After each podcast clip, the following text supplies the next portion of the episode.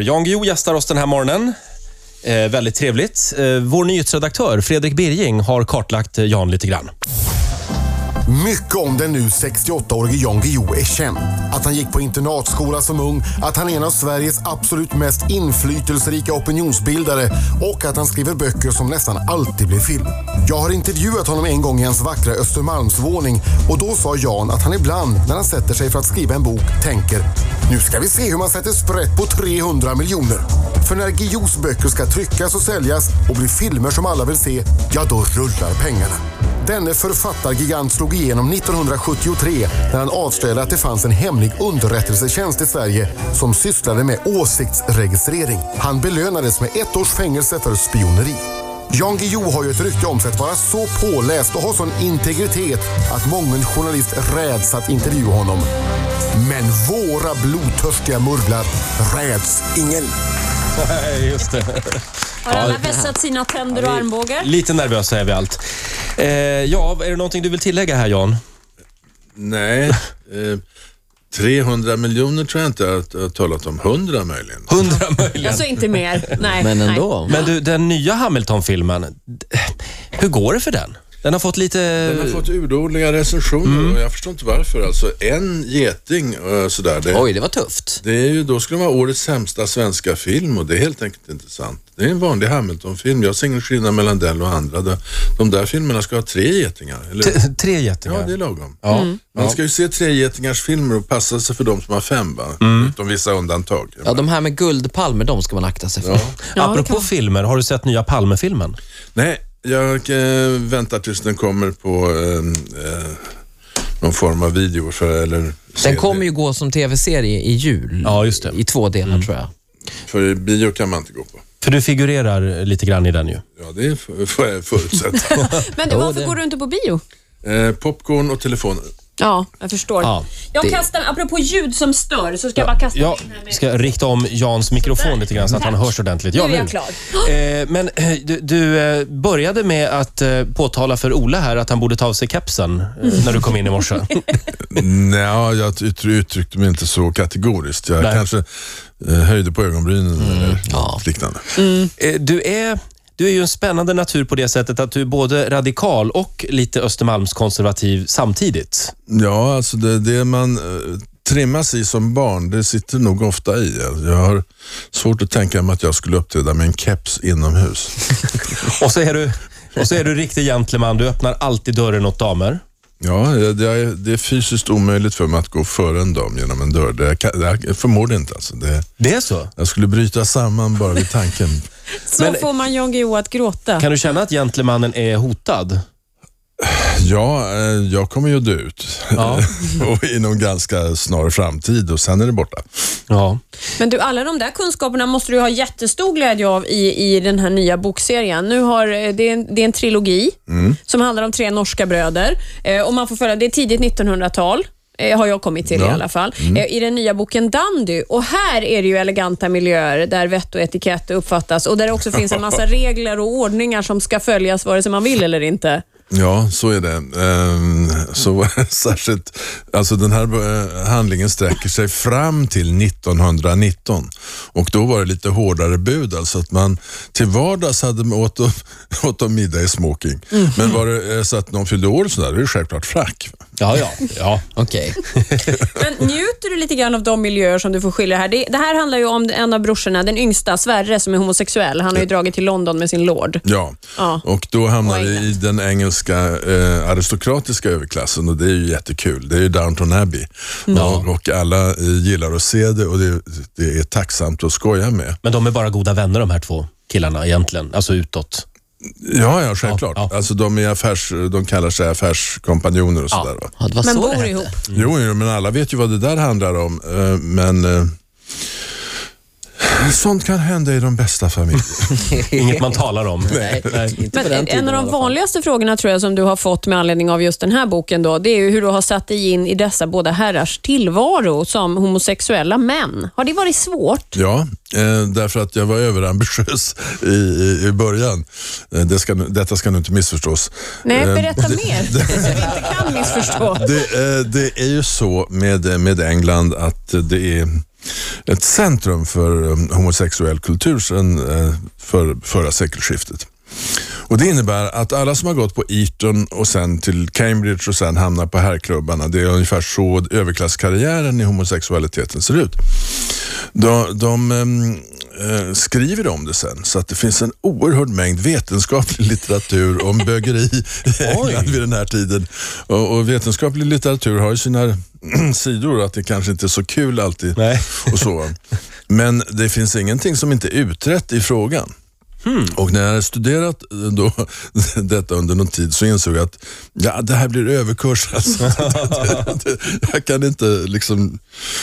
Men Oscar Wilde figurerar också. Ja, jag ville gärna ha med Oscar Wilde för det är den mest eh, berömda eh, homosextragedin i eh, europeisk historia. Han var, skulle man tro, oåtkomlig. Vi, har, vi talar om Englands mest populära författare, prinsen av London, den fantastiskt eh, flamboyant klädsnobb som seglar in på restaurangen och alla applåderar och, och han är oåtkomlig. Dessutom är han tillsammans med en lord. Jaha, var han det Och, också? och eh, de tror sig osårbara. Men det var de inte. Det var han inte, nej. Nej. nej. Eh, spännande. Ola, Ja, berätta nu, vad är det du har gjort? Ja, jag, jag, jag satt och funderade igår på något som inte har gjorts kanske. Nu hoppas jag att det inte har gjorts. Men eh, du skriver väldigt mycket och det är fina ord och fina beskrivningar. Men har det tonsatts någon gång, dina texter? Har du, har du bidragit till popkulturen? Inte, inte vad jag vet. Nej, Film har det blivit. film ja. Men aldrig musik. Förrän idag. Ja. För jag har nämligen tagit fram gitarren och jag vet att det är bokmässan på gång. Mm. Och Nu har du precis berättat här vad de här böckerna handlar om och du kommer få berätta det tusen gånger åt det, för intresset är ju så enormt. Men istället för att du ska behöva göra det, så tänkte jag, jag har liksom skrivit en sammanfattning av, av eh, vad den här bokserien handlar om. En, en liten sång om Mm. det. Så tänkte jag kunde, jag hänger med dig på bokmässan så, och så kör jag liksom vara trubadur? först. Ja, precis. Och förklarar så blir det mycket enklare för dig. Ska jag prova får vi se. Varsågod. Det tar någon minut här. Mm. Det var en norsk fiskeby allting började i.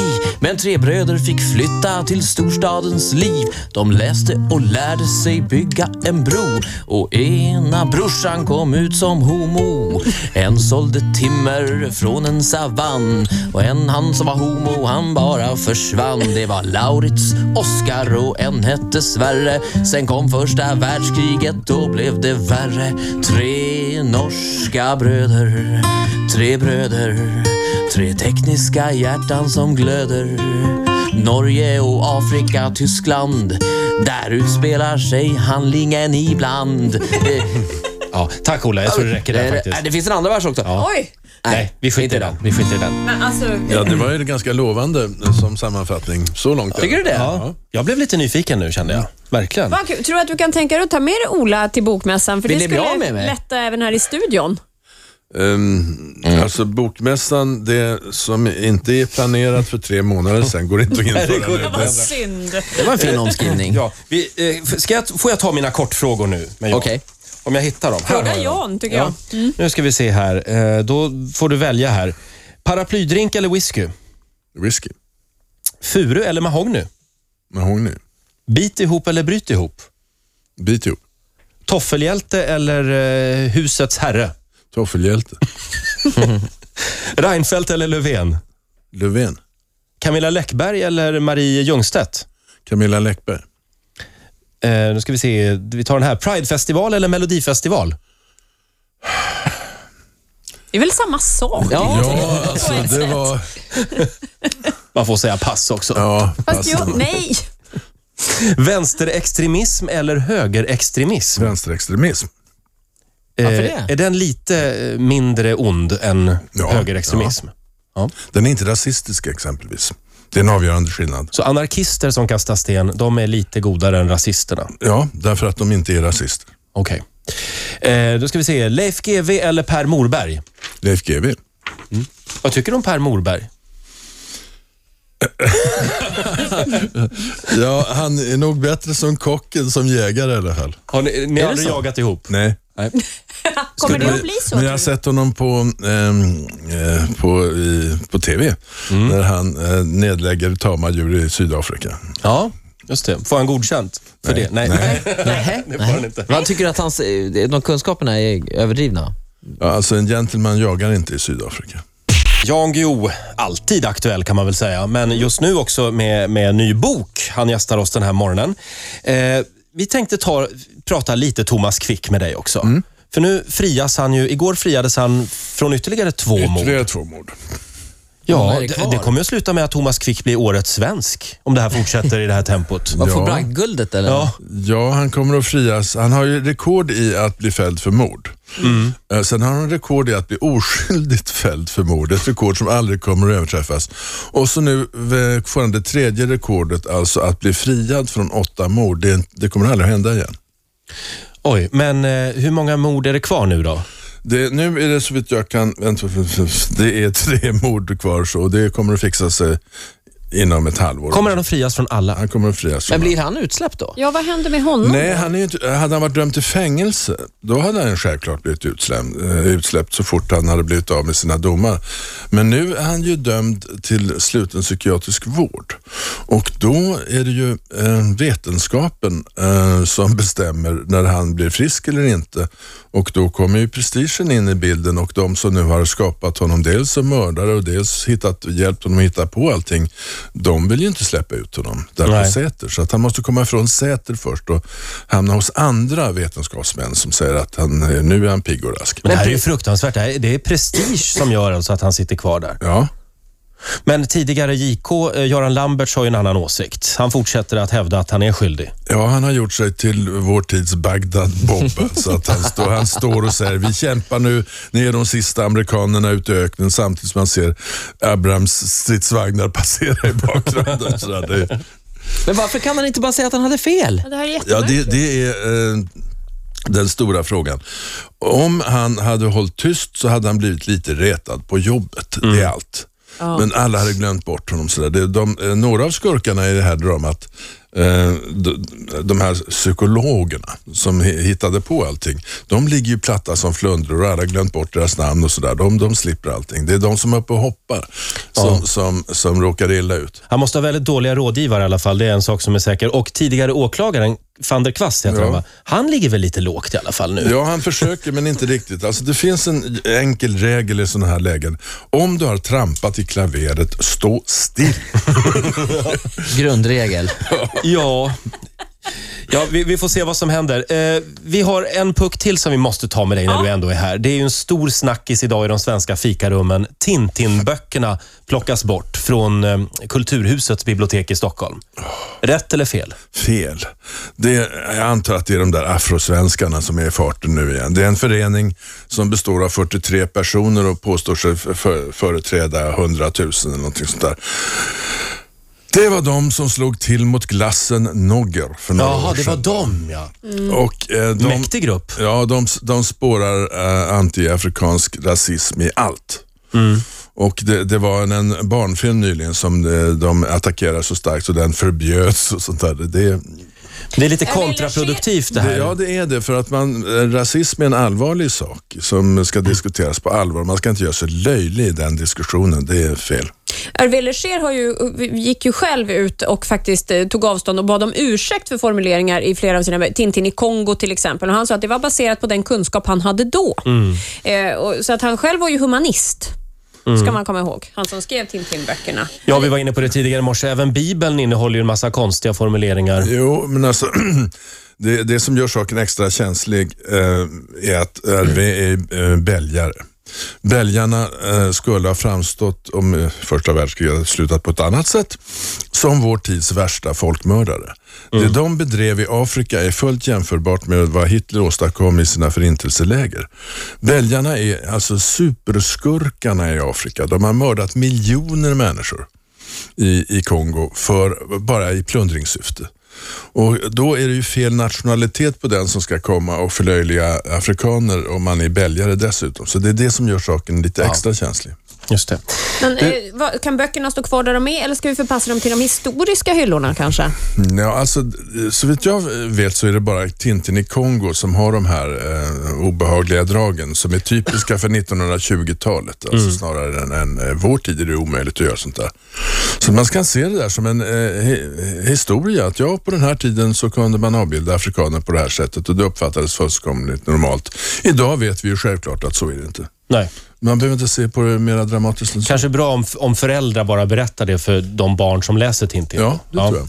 Eh, tillbaka till din boktrilogi igen, Brobyggarna. Eh, du, du fick den här idén när du var ute och plockade svamp. Ja, det, det vill säga det, min, min fru ställde mig då eh, någon litterär fråga. Vi diskuterar ju ofta litteratur, vi gör högt och lågt och sådär.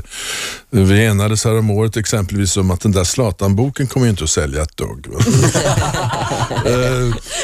Därför att de Du kan ha fel alltså. Ja, då, vi, vi har väl hundra års eh, sammanlagt eh, erfarenhet av branschen så vi vet ju vad vi talar om.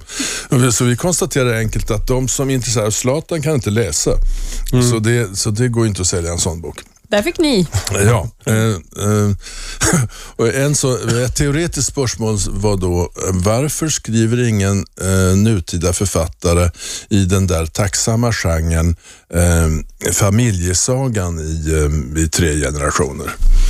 Eh, värvaren, ärvaren, fördärvaren. Sådär. Ja, och sen, varför inte det? Vad konstigt. Vänta nu. Eh, Jag tar den. Eh, nej, eh, vad, vad beror det Jo, jo, jo. Alltså det, gör vi det nu, tre generationer, då blir det 1900-talet. 1900-talet. Det kan ingen eh, det kan ingen skriva. Det är för stort. Det, det blir för mycket. Det går inte att researcha. Det, det, det skulle vara jag då, men, men, men jag har inte tid nu. Och sen gick jag och funderade på det där i ett par års tid. Ja. Så det, det tog några år i alla Det fall. tog då. några år att eh, lösa de värsta problemen. Från tankefrö till bok så att säga. Om man har plöjt den första, nu Ola, kommer den jag, andra. jag är hemskt ledsen, tiden är ute här. Jaha, förlåt. men, men vi tipsar igen om boken. Gör Ja, det det är Ola. Dandy som är ute nu. Ja. Och det. Brobyggarna är den första av tre. Ja, tiden går så fort Jan. Du får komma tillbaka helt enkelt. Vi ses nästa år. pratar vi mer. Du får en applåd av oss. Tack så mycket. Tack för idag.